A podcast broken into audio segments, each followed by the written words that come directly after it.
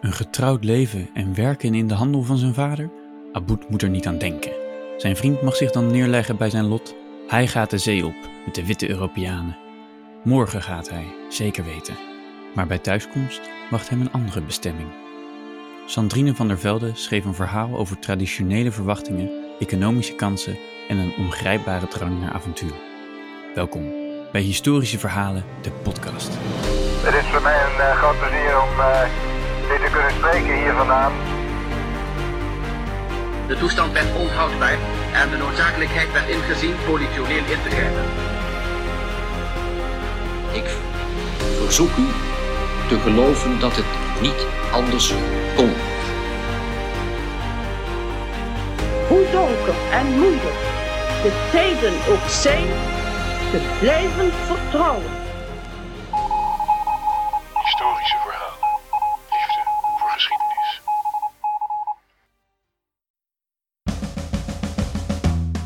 Welkom allemaal. In deze podcast praten we met de schrijvers van uitgeverij Historische Verhalen over hun verhalen, de historische achtergrond en hun schrijfproces. Heb je het verhaal Tussen Hoop en Vrees nog niet gelezen of geluisterd? Wees gewaarschuwd, want deze podcast bevat spoilers. Ik ben Kai Tengeler en bij mij zit mijn co-host en de man die zijn schrijvers hard op de koffiebonenakker laat vloegen, terwijl hij op zoek gaat naar de perfecte roostering voor een aromatisch verhaal. Erik van der Vlucht. Hey Rick. Hey, goedemorgen. Wat is die origineel? Goedemorgen. Kun je weer een beetje praten? Ja, gelukkig wel. Beetje kiespijn gehad, maar dat is uh, gelukkig weer over. Dus we kunnen er een podcast opnemen. Ja, zelfs uh, de koffiebonen roosterende uitgever is wel eens uh, ziek. Nou, de koffiebonen roosterende uitgever, die mag wel in zijn handjes wrijven. Ik, had, ik kreeg gisteren weer een mooi compliment over de podcast. Oh, vertel. een vriendin die dan toch verbaasd is over dat, dat, ik daarmee bezig was. Blijkbaar moet ik dat toch beter verkopen aan mijn omgeving. Maar die zei nu dat ze hoopte op file op de A12, omdat ze dan langer de podcast kon luisteren. Dus dat is toch een mooi compliment. Nou, wat leuk. Dat is inderdaad een mooi compliment. En ze, zat dus, uh, ze, ze keek uit naar de tien uh, verhalen die ze nog voor de boeg had. Maar uh, het is maar goed ook dat we dan doorgaan met de volgende verhaal, want dan heeft ze nog wat te luisteren. Inderdaad, en we hebben niet de minste bij ons. Nee, we hebben zeker niet de minste bij ons. bij ons zit Sandrine van der Velde. Sandrine was al te gast in onze tweede podcast met het verhaal Hoe ik een slaaf werd. Over een Chinese min die haar levensverhaal vertelt. En als een van de auteurs van de bundel met verhalen uit de vroegmoderne tijd. In het huidige verhaal laat Sandrine een heel andere kant zien. Namelijk over een Jemenitische jongen in de 17e eeuw op de grens van kinderlijke dromer en volwassen man. Hij droomt van een leven vol avontuur, maar of hij ook actie durft te ondernemen, hij blijft ermee worstelen. Kiest hij voor zichzelf of kiest hij voor de verwachtingen van zijn ouders? In deze mini-avonturenroman neemt Sandrine de lezer mee naar het gewone leven in de 17e eeuw en het begin van de koffiehandel in Jemen. Welkom Sandrine. Goedemorgen. Ik krijg prompt uh, zin in koffie. Ik heb nu spijt dat ik geen koffie heb gezet voordat we aan dit gesprek begonnen. Door jouw introductie. Ik herken dit gevoel. Nou, het is maar goed ook, want koffie dat zorgt voor allemaal uh, slijm in je mond. De luisteraar uh, is blij dat je geen koffie hebt gedronken. nou, vooruit. Dan na deze podcast gaan we allemaal lekker koffie drinken. Ja. ja, want zij even kort kunnen vertellen waar het verhaal over gaat. Ja, ik heb uh, als uitgangspunt genomen een uh, jonge man uh, in Jemen. Wat je terecht zegt, een beetje op de grens tussen jeugd en volwassenheid. Tussen dromen en daden, nou, waar, de, waar de titel al een beetje over gaat. In een slaperig stadje aan, aan de kust in Jemen dat bij ons allemaal wel bekend is uh, van de mokka koffie. Uh, maar op het moment dat daar nog geen koffiehandel was, was het nee, geen bijzonder klein, een klein vissersstadje mm. aan, de, aan de kust. En, uh, dit, dit is het, het plaatje mokka, zeg maar, of alle mokka. Ja, er zijn, ja, ik vond het lastig om, om een schrijfwijze te kiezen, want ik heb gezien dat er heel veel manieren zijn om het, uh, ja, de transcriptie vanuit het uh, Arabisch en ook de naam in het Arabisch was me niet helemaal duidelijk. Dus ik heb op een gegeven moment een knoop moeten doorhakken. Ik heb al-mokka gekozen, ook omdat dat dan goed lijkt op het woord dat wij kennen van de mokka koffie, zonder het al te eenvoudig te maken, gewoon mokka te noemen want ik geloof dat dat niet erg aansluit bij het Arabisch. Uh, maar ja, dus gewoon een heel klein stadje met een moskee en een marktje en, uh, en wat huizen en vissers. Dat op punt staat om een enorme ontwikkeling door te maken. Net als die jongen over wie het verhaal gaat. Ja. Ja, en hoe ben je dan op dit verhaalidee gekomen? Zat je een keer naar je koffieboon te kijken en dacht je, waar komt dit vandaan? Of, of hoe ging dat? Ja, ik ben sowieso dol op koffie. En eh, dat mokka, het woord mokka heeft me inderdaad wel eh, geïntrigeerd. Want het wordt op heel veel verschillende manieren gebruikt. Hè? De Amerikanen bedoelen met mokka volgens mij iets heel een chocoladeachtig eh, drankje ja, of of zo. vaak iets koffiesmaakachtig. Ja, nou, het, eh, vaak wel associatie met mokka. Maar eh, volgens mij hebben de Amerikanen er iets chocoladeachtigs van gemaakt. En eh, voor mijzelf is een mokka, is zeg maar dat koffiepotje dat op, de, op het gas wordt gezet. Hè? Ik heb lang in Italië gewoond, dus als wij mokka zeggen, dan bedoelen wij gewoon dat koffiepotje dat je op het gas zet. eh, Ah. eh, Ik moet direct denken aan eh, van die eh, gebakjes bij de, bij de bakker Ja. met mokka-room. Ja, nou daar zit natuurlijk ook koffiesmaak aan. Maar ik geloof dat het eigenlijk een soort van kwaliteitskeurmerk is. Koffie uit mokka koffie, dat is goede koffie. Hè? De, de, oorspronkelijk Ah. komt eh, koffie uit Ethiopië, dat weten we allemaal. En nou, Ethiopische koffie, dat is dan, staat ook heel hoog aangeschreven. Maar dan heb je al gewoon mokka koffie. En dat zou dan een kwaliteitskeurmerk zijn. Ik geloof, eh, nou nee, ik weet wel zeker dat de, de meeste koffie nu niet meer uit mokka komt, ook al heet het dan mokka koffie. Want die, de handel is, eh, is eh, ingestort. Maar goed, nu lopen we heel ver op het verhaal vooruit. Maar dus eh, ja, het, het woord zelf vond ik ehm, interessant. En eh, ja, ik ben dat gewoon eens gaan googlen. Van dat, eh, ik wist wel dat er een, een geografische locatie was, eh Mokka. Maar ik wist niet hoe of wat. En nou ja, zo kom je op, op een idee. En eh, het bestaat ook nog. Je kunt het gewoon googlen. En dan zie je ook eh, de resten van het eh, stadje en het fort dat het vroeger was. En dat is tot ruïnes vervallen. En niet ver daar vandaan is een nieuw stadje ontstaan. Oké, maar kan, kan je ons dan even meenemen? Want dan zie je het woord mokka, dan ga je googlen. Dan zie je een stadje wat vervallen is inmiddels, waar dus wel een stukje geschiedenis zit. Hoe geef je daar nou echt een verhaal? Ja, dan is het, heb ik eigenlijk als eh, startpunt verkeerd genomen. Want het startpunt voor mij was niet Mokka. Het startpunt was de hoofdpersoon. Hmm, Ik had eh, een jongen voor ogen met dromen, verwachtingen, die schoorvoetend op avontuur gaat, zal ik maar zeggen. Eh, en dat was een Jemenitische jongen.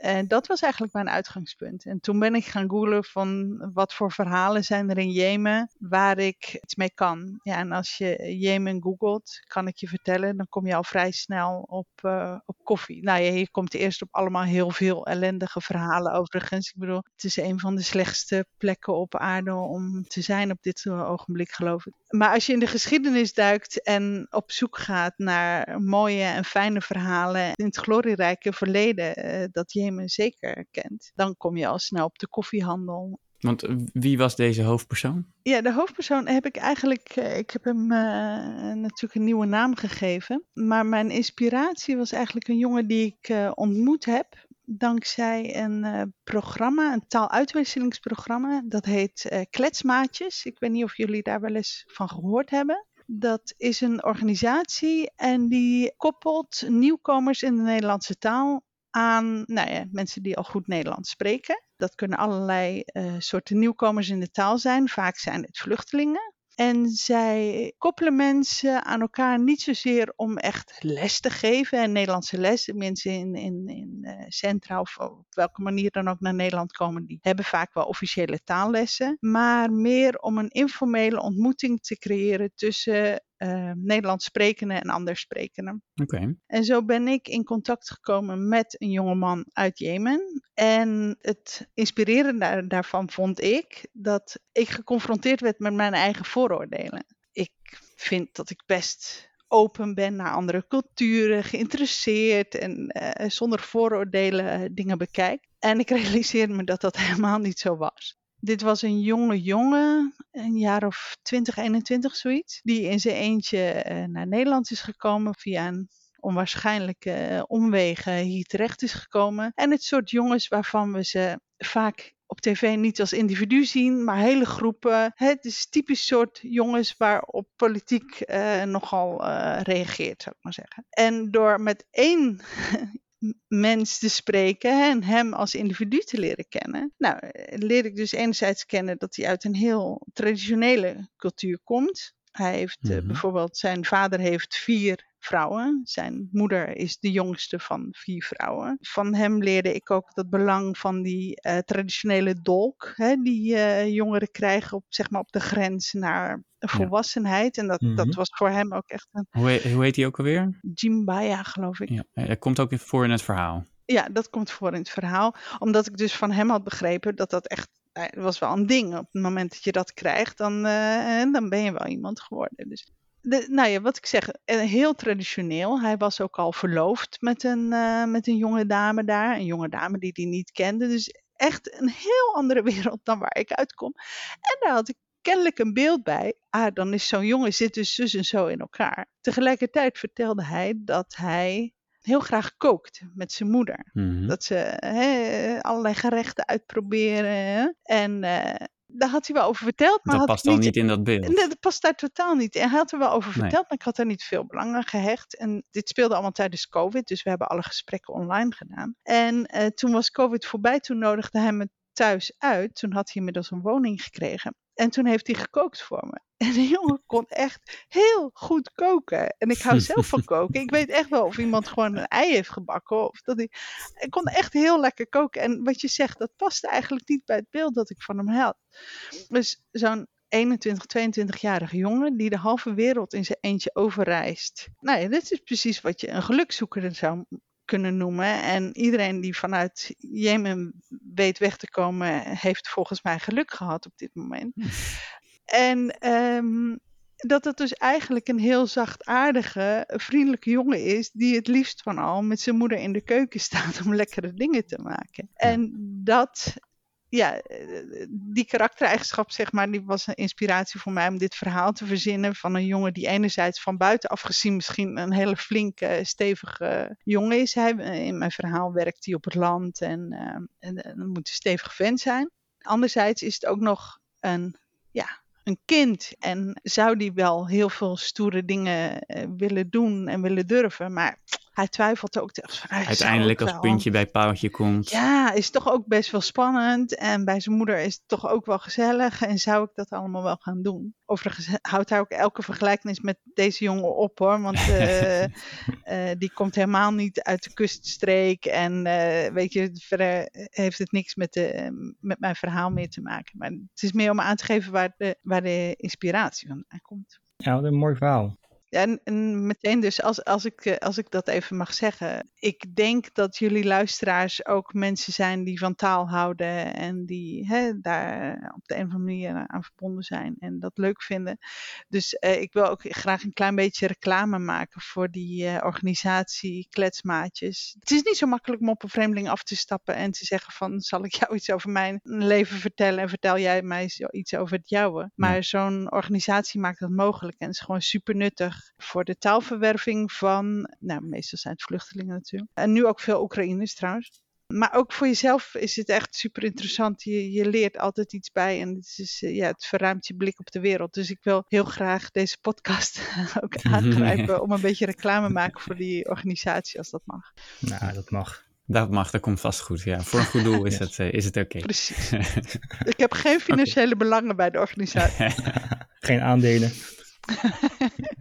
Taalmaatjes, ik weet niet meer, .nl zal het wel zijn. Maar als je het googelt, dan kun je dat ongetwijfeld eh, vinden. Ik ben toch ook een beetje nieuwsgierig hoor. Want je klinkt heel passievol over het verhaal. Je hebt een hele mooie inspiratiebron. Je houdt van koffie. Dus dan ben je gefascineerd door, door de geschiedenis. Maar ergens heb je ook een keertje gemaild van... Nou, ik ben een beetje klaar met dit verhaal. Eh, ja, maar dat, is, eh, dat heeft meer met mijn, mijn karakter te maken. Ik vind het heel leuk om nieuwe dingen te verzinnen. En op zoek te gaan naar verhalen en onderzoek te doen. En zeker het onderdeel onderzoek vind ik heel leuk om te doen. Omdat ik me realiseer dat ik heel weinig weet. Eh, maar ik ben wel heel nieuwsgierig. Dus nou ja, zoiets als Jemen. Ik denk niet dat ik het een jaar geleden op een kaart kon aanwijzen, als ik heel eerlijk ben. Want het ligt Eh, eh, eh, ja, bij onder Syrië. ja, in het Ja, ik wijs het nu zuidwesten aan van... met mijn eh, handen, ja, maar je wijst het aan. Ja, dat, daar heeft de luisteraar niet zoveel aan. Lijkt het kloppen In hoor. het helemaal zuidwestelijke puntje van het eh, Arabisch Schiereiland. Ja. Dus eh, onder Saoedi-Arabië. Ja, bij de Rode Zee. Ja, ja, ja, tegenover Eritrea. Als dat helpt voor mensen. Ja, ik wil zeggen, en, en hemelsbreed inderdaad, vlak bij Afrika, wat ook wel verklaart dus die eh, connectie met Ethiopië en de, Ja, en de koffie. de, de, ja, de koffieplanten die van, eh, van daaruit. En dus ook een, een logische plek voor, eh, voor handel natuurlijk, omdat het ja, relatief makkelijk eh, te bereiken is. Ja. Ehm, waar waren we? Nou, je, ben- je, je was eh, vier versies verder met het verhaal. En toen Oh, dacht je, nou ben ik er wel klaar mee. Eh, Ja, eh, dan heb ik gewoon geen zin meer om daar weer naar te kijken. Want dan is het elke keer weer hetzelfde verhaal. En dan komt er niks nieuws bij. En dat vind ik dan niet leuk meer. Dat, eh, dan begint het op werk te lijken, laat ik het zo zeggen. Het is Mhm. natuurlijk, het is voor mij een hobby. Het is niet dat ik, ik kan niet zeggen dat Rick mijn baas is. Zo zie ik het ook niet. dus ja, dan gaat mijn zaterdag weer met een eh, redactieronde. En dat, ja, ik, ik bedenk liever nieuwe dingen dan dat ik bestaande dingen beter maak. Ja, maar het eindresultaat is wel eh, de moeite waard. Ik hoop het. Ik hoop dat luisteraars het met plezier zullen lezen. Hoe ga je daar dan mee om als je daar tegenaan loopt? Nou, het begint wel een beetje te wennen. In het begin vond ik het heel lastig dat als ik iets geschreven had, eh, dat er commentaar op kwam. Van wie dan ook eigenlijk. Mhm. Gewoon omdat het echt, als je iets schrijft als hobbyist, hè, dan is dat altijd eigenlijk heel persoonlijk. Je geeft iets van jezelf weg. En dan komt iemand anders, ja, leuk bedacht, maar. dat, dat is echt, echt best wel lastig. En ik ho- hoor dat ook van andere mensen die als, als hobbyist schrijven. En dan hielp het bij mij dat ik Rick eigenlijk niet ken. Dus het is Mhm. niet persoonlijk. En dat hij heel goed commentaar heeft. Dat ik ook. de- hij, hij knikt nu een beetje meewarig, maar dat is wel waar. Als je kritiek krijgt van iemand waarvan je denkt van ja, eh, doe het dan lekker zelf beter. Of ehm, ja, dat vind je wel, maar daar ben ik het echt helemaal niet mee eens. Of, ehm, dan is het nog veel moeilijker om te verkroppen dat iemand commentaar heeft. Terwijl ik weet wel bij Rick, ik moet even slikken als ik commentaar krijg. Maar het verhaal wordt er wel beter van.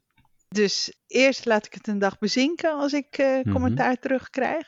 En dan moet ik even, oké, nou vooruit. En dan na een dag denk ik van, nou ja, misschien zit er ook wel wat in wat hij zegt. En dan kan ik ermee aan de slag. En als ik het dan, het commentaar verwerkt heb, dan denk ik ook wel van, ja, had wel echt een punt eigenlijk. Het is wel echt beter geworden. Gelukkig. Maar goed, na ronde drie denk ik, ja, eh, eh, het is goed hoor. Nou, eh hoppakee, weg ermee. Ja, het kan best een vermoeiend eh, proces zijn. Maar je hebt wel doorgezet. Ja, ja, wat moet ik dan? Ja, nee, natuurlijk. Nee, en ik wil, ik wil ook dat het eh, zo goed mogelijk wordt. Ik bedoel, ik zie ook duidelijk eh, het doel dat Rick voor ogen heeft. Die heeft een heel duidelijke kwaliteitsnorm. En terecht. Dus dat is voor de lezers heel erg goed. En eh, voor mij uiteindelijk natuurlijk ook. Want bij elke keer, elke feedback die je krijgt, waar je iets mee kan doen, maakt je altijd beter in de lange termijn, in het grotere plaatje, heb ik er zelf ook voordeel van. Op het moment dat ik die e-mail binnenkrijg, dan voel ik dat even niet zo misschien. Ja, en volgens mij ben jij wel een van de auteurs die die hoge dat we echt makkelijk kan halen. En het is natuurlijk niet het eerste verhaal dat je geschreven hebt. En nog even dat dit misschien wel je tiende verhaal zou zijn. Maar doe ik nog een keer goed telde, is het je negende verhaal. Oh, echt? Nee, Ja. bij, eh, negen bij historisch verhalen? Zeker. Oh. Ja, gaat hard hè? Ja, dan, ik had gedacht van nou, doe ik een tijdje, doe ik het niet meer. Maar en dan moet ik eigenlijk wel de tien. Ja, Die tiende die moet je wel halen, ja. Ja. ja, dat moet eigenlijk wel, ja. En de 15 is ook een mooi getal hè? Om nog maar te zwijgen over 100. Ja. Ja. Mag ik eh, jullie nog even mee terugnemen naar het verhaal? Want eh, Sandrine, kun jij nog iets meer vertellen over de historische context? Want we hebben een introductie van de hoofdpersoon, of de inspiratie daarvoor in ieder geval. We hebben de koffiehandel, die, eh, of een mokka, die eh, aandacht heeft getrokken. Maar ik wist helemaal niet dat de Nederlanders begin 17e eeuw in de buurt van Jemen waren gekomen. Ja, dat is ook, eh, nou ja, als je gaat googlen, dus dan vind je ook veel documenten van de VOC. En dat is het, mooie van die bronnen. De VOC heeft echt alles vastgelegd. En zo'n beetje alles is ook bewaard gebleven. Dus daarom is het een dankbare bron eh, van informatie voor iemand die verder niet zoveel uh, over de geschiedenis weet. En het leuke is, je vindt in de archieven van de VOC, die allemaal online beschikbaar zijn, echt heel nauwkeurig. Ik pak nu even mijn teksten bij. Ik heb uh, wat dingen over opgeschreven. Dat exact op 15 januari 1616, ook met de naam van het uh, schip, het jacht de Nassau, ging voor anker voor de kust van Almokka of Mokka. Uh, en dan staat ook precies beschreven welke mensen aan boord waren, door wie ze werden ontvangen. Dat ze al meteen werden ontvangen, ook door de, door de baas daar, hoe heet het? De landvoogd. -hmm. En heel precies beschreven dat ze daar dus een, een nederzetting, een huis bouwen, vooral een magazijn. Omdat uh, kennelijk is het bij de Rode Zee zo dat je niet altijd in en uit kan varen vanwege de, de wind um, en de, de seizoenen. Dus de Arabieren maakten heel veel winst doordat ze wisten dat de Europeanen maar op bepaalde tijden konden aanmeren en uitvaren. Dus dan wisten ze van nou ja, als we wachten tot het moment dat ze eigenlijk bijna niet meer weg kunnen, dan worden, zijn de prijzen het hoogst en dan bieden we het aan. En ja. door een uh, opslagplaats daar te hebben en een magazijn, een handelspost, konden de Nederlanders daar het gewoon verzamelen op het moment dat de prijzen goed lagen en het dan zelf pas uitvoeren op het moment dat de, dat de tij gunstig was. Dus vandaar dat ze die nederzettingen daar hebben ge, gemaakt. Plaatst, hoe ja. zeg je dat? Ze gingen de, de handel eigenlijk zelf overnemen. Ze gingen een stapje terug in de keten. Nou, nee, nee, nee. nee. De, op dat moment niet. Op dat moment waren ze gewoon in plaats van handelaren die daar ter plekke kwamen en hè, op 16 januari aankwamen en op uh, 16 februari wilden uitvoeren met uh, zijde, uh, weet ik wat, wat ze allemaal verhandelden. Op dat moment was het nog niet zozeer koffie. maakten ze daar een plek om ter plekke te handelen. Maar dat was nog steeds gewoon een handelspost. Oké. Okay. Waren natuurlijk nog altijd afhankelijk van de lokale productie. Dus in Mokka ontstond een enorme uh, ja, aanwas van, of in Jemen, enorme koffieplantages. Daar werd enorm goed gehandeld, maar dat waren de Arabieren die daar het geld verdienden. En de Europeanen op het moment dat ze het aan land brachten in Europa. Die handel werd beschermd door het feit dat zij die planten in handen hadden. En op het moment dat de Nederlanders ontdekten dat je die planten eigenlijk ook prima in andere werelddelen kan laten groeien, en voor Nederland was natuurlijk Indië toen de plek om dat naartoe te brengen. Ceylon toen. Ja, toen raakten de Arabieren hun handel kwijt. En dat is eigenlijk waar ik in dit verhaal een klein beetje. Ja, ik heb de, de geschiedenis wat verdicht. door het allemaal in een ja. heel korte periode te laten plaatsvinden. In werkelijkheid duurt dat iets van twee eeuwen. Maar dus eerst waren de, de Jemenieten zelf de, de grote winnaars bij de koffiehandel totdat de Nederlanders niet de koffiebonen afnamen, maar gewoon de zaden meenamen en zelf plantages gingen aanleggen. Daar, nou ja, zoals we allemaal weten, goedkope arbeid uh, ja. op lieten werken. En zo met volle buit zelf aan de haal gingen. Want dat is waar je op zin speelt aan het einde van het verhaal als uh, Aboud de, de zaden meeneemt om met de Europeanen op, op weg te gaan. Ja, toch aandurft. Uh, dus uh, een enorme spoiler. Ja, maar dat hij dus ja. inderdaad. Ja, dat geeft niet, dat mocht. Ja, je had je al voor gewaarschuwd. Dat hij inderdaad de stap durft te zetten om zijn geliefde stad en land en zijn moeder te verlaten. En op avontuur te gaan. En als een soort garantie voor zijn succes de zaden meeneemt die hij elders zal kunnen aanplanten. En Mokka is daarna dus inderdaad vrij snel geruineerd, letterlijk en figuurlijk. Ja. Maar de naam is gebleven. Ja, de naam is gebleven, ja. En zijn die ruïnes, weet je dat? Is dat dan ook een gevolg van uh, kolonisatie of is dat een, heeft dat een andere reden? Waarom het dorp is verlaten of het stadje is verlaten, weet ik niet. Maar als je op um, Google Maps gaat kijken, dan vind je daar dus gewoon de resten van dat stadje dat geweest moet zijn. Niet het hele stadje, maar een paar van de grootste gebouwen. De, de moskee, de uh, magazijn, een vuurtoren geloof ik. En uh, het aardige is ook, uh, mijn uh, beschrijvingen van de natuur in dit verhaal zijn dus puur gebaseerd op dit soort Google Maps afbeeldingen. Hoe het strand eruit ziet, de kleuren van de omgeving. ja, ik bedoel, dat zal drie eeuwen geleden niet anders zijn geweest dan nu. En die verslagen die je dan hebt gezien, bijvoorbeeld dat schip, hoe, hoe gedetailleerd heb je dat soort dingen gevolgd?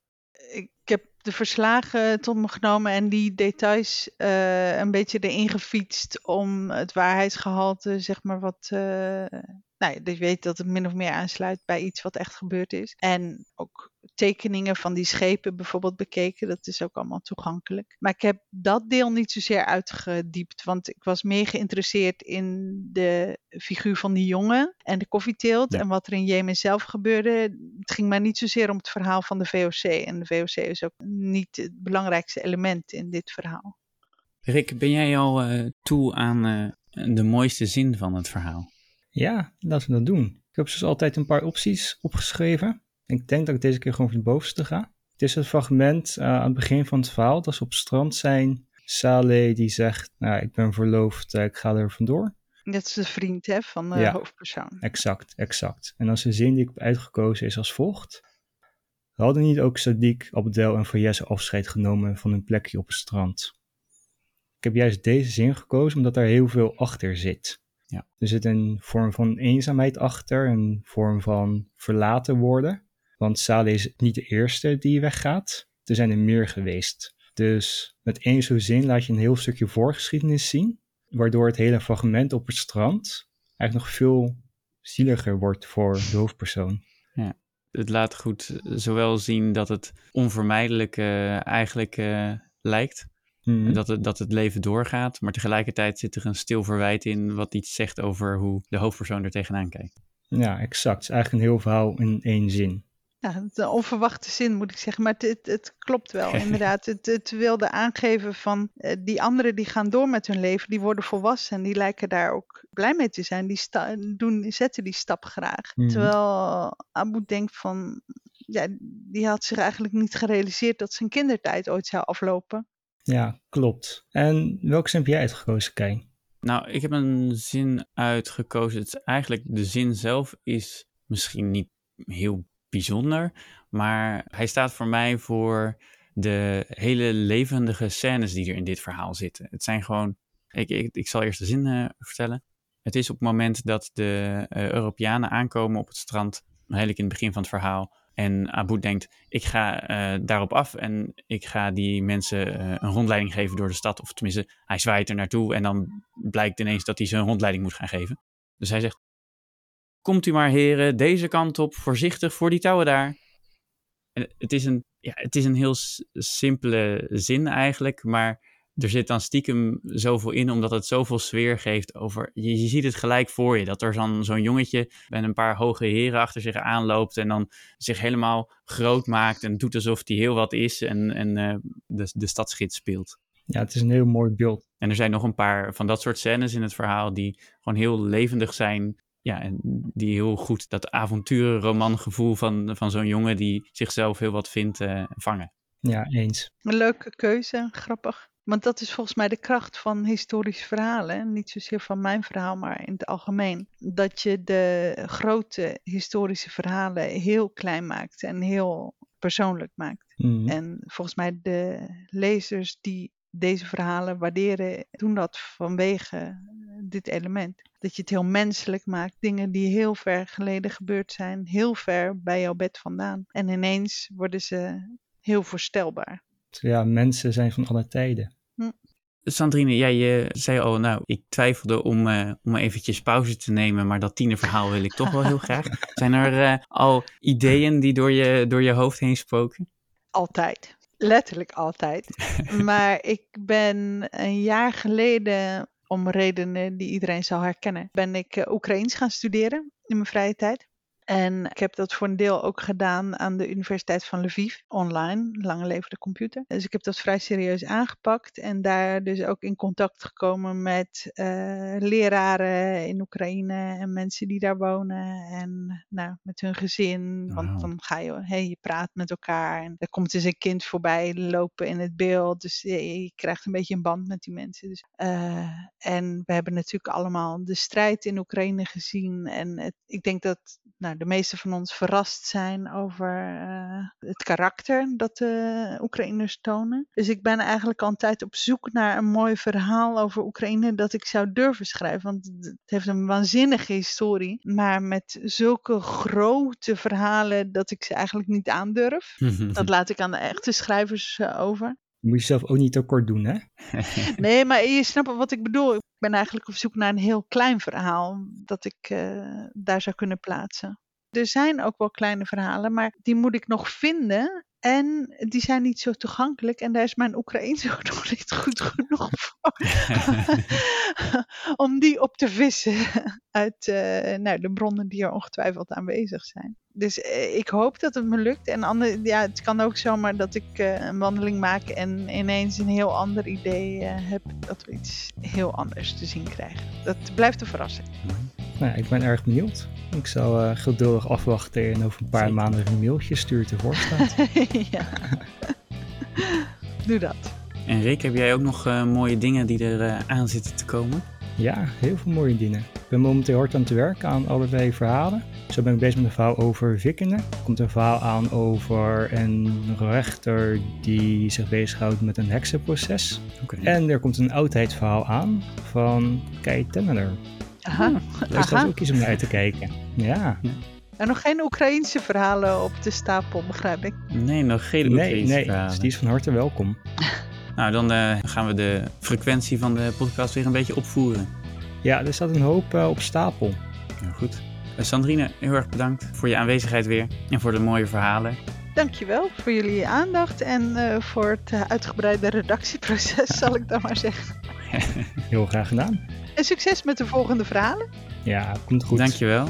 Luisteraars, jullie ook bedankt voor het luisteren. Vergeet ons niet te volgen. Abonneer je op deze podcast. En tot de volgende keer. Doei.